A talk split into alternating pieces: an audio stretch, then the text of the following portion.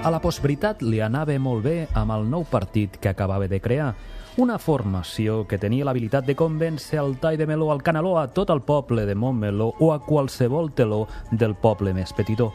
El partit de la postveritat era una màquina llevaneus, una piconadora i xordadora, una grapadora emmudidora. Era capaç de convèncer fins i tot a Dora, l'exploradora.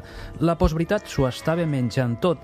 Milers i milers de lectors que abans dubtaven i ara xalaven amb una formació que els hi feia veure el que ells volien com piruletes magnètiques, com abraçades estratègiques, com raons gratuïtes i finançades per les paraules dites.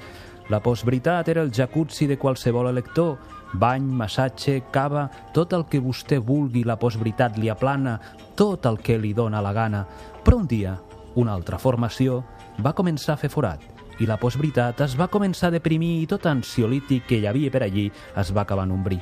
El partit de la veritat arribava amb una senzilla palangana i cridava i feia com si estiguéssim a un cabaret de Copacabana.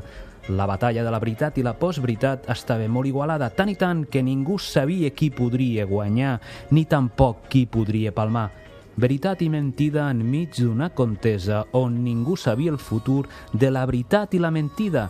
Era com esperar que Jesús nasqués a l'establia i esperessin que es decantés per l'ou la gallina o un traguet de ratafia.